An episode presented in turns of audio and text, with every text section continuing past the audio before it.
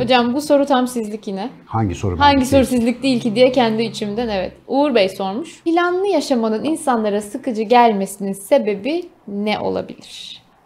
Benim Evet. Ya hocam sonra anlattıktan sonra yani plansız yaşamak da acaba sırf hayata karşı doyumsuzluğumuzdan mı olur? O da olabilir. Ama planlı Yaşama, yaşayabiliyorsan, evet. uzun süre planlı yaşadıysan ve bundan sıkılıyorsan bu hayata karşı doyumsuzlukla ilgili bir şey değildir. Yani esas sorunun birinci kısmı önemli. Planlı yaşamaktan sıkılmak çok jenerik bir tabir. Yani planlı yaşamak iyidir. Ama neyi ne kadar planlama? Yani bu işin ölçüsü ne? Mesela şimdi 10 senelik plan yaptın. Üniversiteye gireceğim, okuyacağım, mezun olacağım, master yapacağım, doktora yapacağım, işte falanca ülkede, falanca laboratuvarda şunu çalışacağım falan. Hepsi güzel. 10 senelik planını yaptın. Diyelim ki sen üniversiteyi okurken doktoranı yapmayı planladığın ülkede darbe oldu, ülkeyi kapattılar komple. Ülke gitti. Out of order. Ne yapacaksın? Diyelim ki en iyi laboratuvar Amerika'yı istiyorsun, Amerika çöktü mesela. Ol- olmaz mı? Olur yani. Net söyleyeyim sana.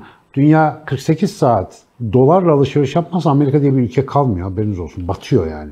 Ekonomistler bunu yıllardır anlatırlar. Diyelim ki battı. E şimdi sen 10 sene sonrasında plan yapmış bir insan olarak nasıl boşluğa düşeceksin farkında mısın? Planlamanın akıllıcası güzeldir. Mesela planlı yaşamak bazı insanı rahatlatır. Niye? Hayatındaki büyük taşları yerli yerine koyar. Önceliklerini güzel belirler. Çok uzun vadeli ve kaotik değişkenler ya da dalgalar tarafından sürüklenip götürülmeyecek önemli doneleri planlar. Arada hayatın kaosuna, akışkanlığına, serbestliğine alan tanır. Şimdi böyle insanlar için plan hani bir sörf tahtasının yanında taşımak gibidir. Uygun dalga bulduğunda çok eğlenir. Anlatabiliyor muyum? Çıkar üstüne fış fış fış kayar. Ama her bir anı özellikle de uzun vadede saat saat dakika dakika planlayanlar genellikle aramızdan erken ayrılıyor. Çünkü uzun süreli yüksek strese bağlı işte kronik stres rahatsızlıklarına bunlar daha fazla düçar oluyorlar. Bizim mesela benim birkaç aydır sevgili açık beyin eğitimcilerinden Mustafa Acungil ile birlikte çalıştığım Çevik Yaşam tasarımı yani gerçekten çok zekice bulduğum ve herkesin öğrenmesini çok arzu ettiğim müthiş bir teknik. Yazılım kökeninden geliyor bu teknik. Yani yazılımcıların kullandığı bir şey. Agile diye duymuşsunuzdur. Agile yönetim, Agile management. Büyük konuları küçük parçalara bölüp bu küçük parçaları adımlar şeklinde kısa dönemli planlayarak parça parça iş bitirmeyle alakalı bir şey. Sevgili Mustafa da bunu alıp hayata uyarlamış çok başarılı bir şekilde ve bende ciddi aydınlanmalara sebep oldu. Mesela Mustafa'nın bir mottosu benim çok işime yarıyor. Her ne kadar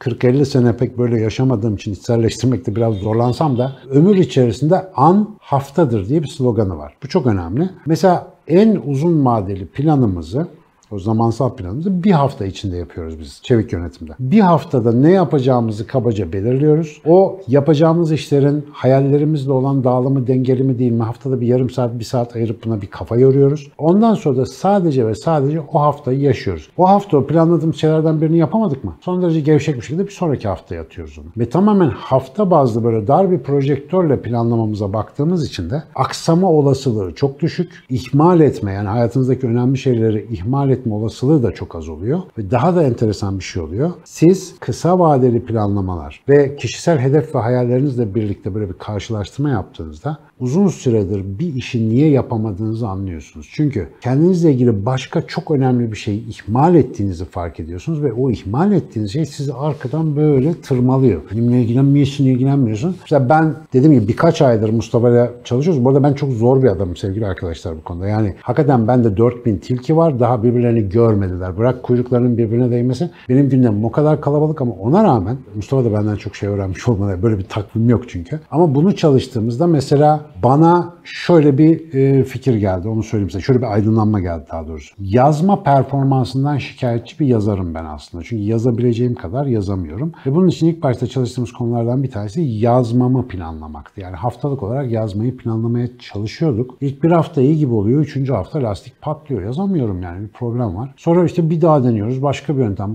Sonra şunu fark ettim. Yazmak benim için nefes almak gibi bir şey ya. Ne zaman nefessiz kalırsın? Fazla darlandığın zaman. Dolayısıyla kolay nefes alalım diye biraz gereksiz işleri hayatımdan çıkarttığımda benim yazma performansım otomatik artmaya başladı. Yani benim planlamam gereken şey yazmak değil, yazmaya engel olan diğer işler ve azalan boş vaktim. Bu boş, serbest vakti daha doğrusu ayırt edebildiğim zaman, planıma koyabildiğim zaman ben bayağı tekrar yazmaya başladım seneler sonra. Yahut işte müzik. Devamlı içimde bir şeyde müzik var ama müziği takvime koymaya utanıyorum. Yani o kadar önemli işim var ki falan. Sonra bir ara muhabbet arasında şunu fark ettik. Müziğe ilgi göstermediğim için birçok işte performansım düşmüş. Hem de ben bunu sunumlarımda anlatıyorum. Tak tak tak onu yerleştirmeye başladım. O boş vakitlerle beraber ikinci kademede albüm çalışmaları başladı. Tamam, Kısmet olursa öyle Albüm bir şey geliyor diyorlar. Var var evet öyle bir şey var. Henüz daha spoiler vermeyelim ama çalışıyoruz üzerinde. 50'den sonra müzisyen olmak zor oluyor Hazal'cığım yani ekibi Hocam ilginç bir tadı bakalım. olacak ama. Var var geliyor. Metalciler ölmez.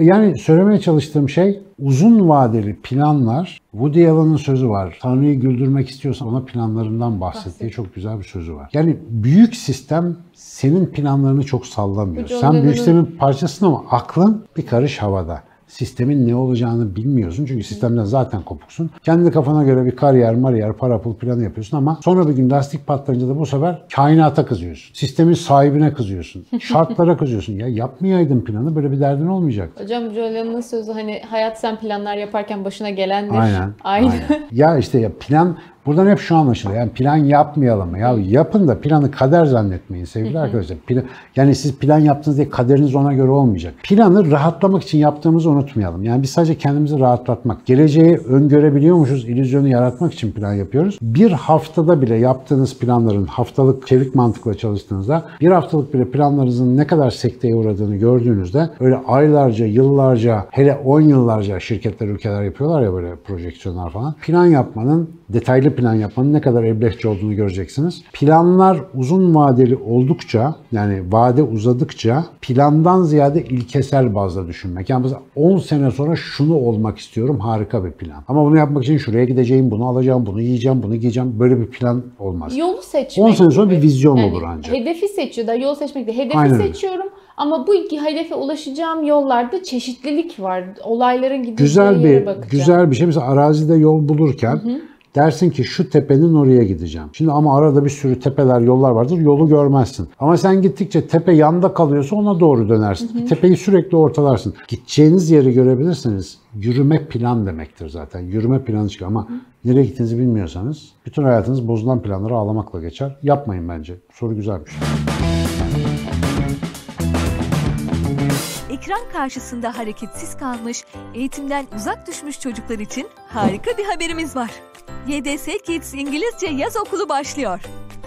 İlkokul ve ortaokul öğrencileri için aquapark, trekking, okçuluk, at biniciliği, ebru, piknik, heykel, sinema ve robotik kodlama gibi aktivitelerle doyasıya eğlenen çocuklar yoğunlaştırılmış yüz yüze İngilizce dersleriyle İngilizce yaşayarak, konuşarak öğreniyor. Tüm eğitim ve aktivitelerimiz COVID-19 tedbirlerine uygun olarak organize ediliyor.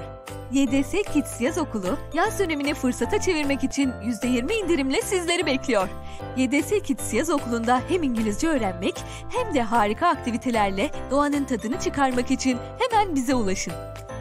ydsakademi.com 444 9937 YDS Kids, İngilizce öğrenmenin en eğlenceli hali.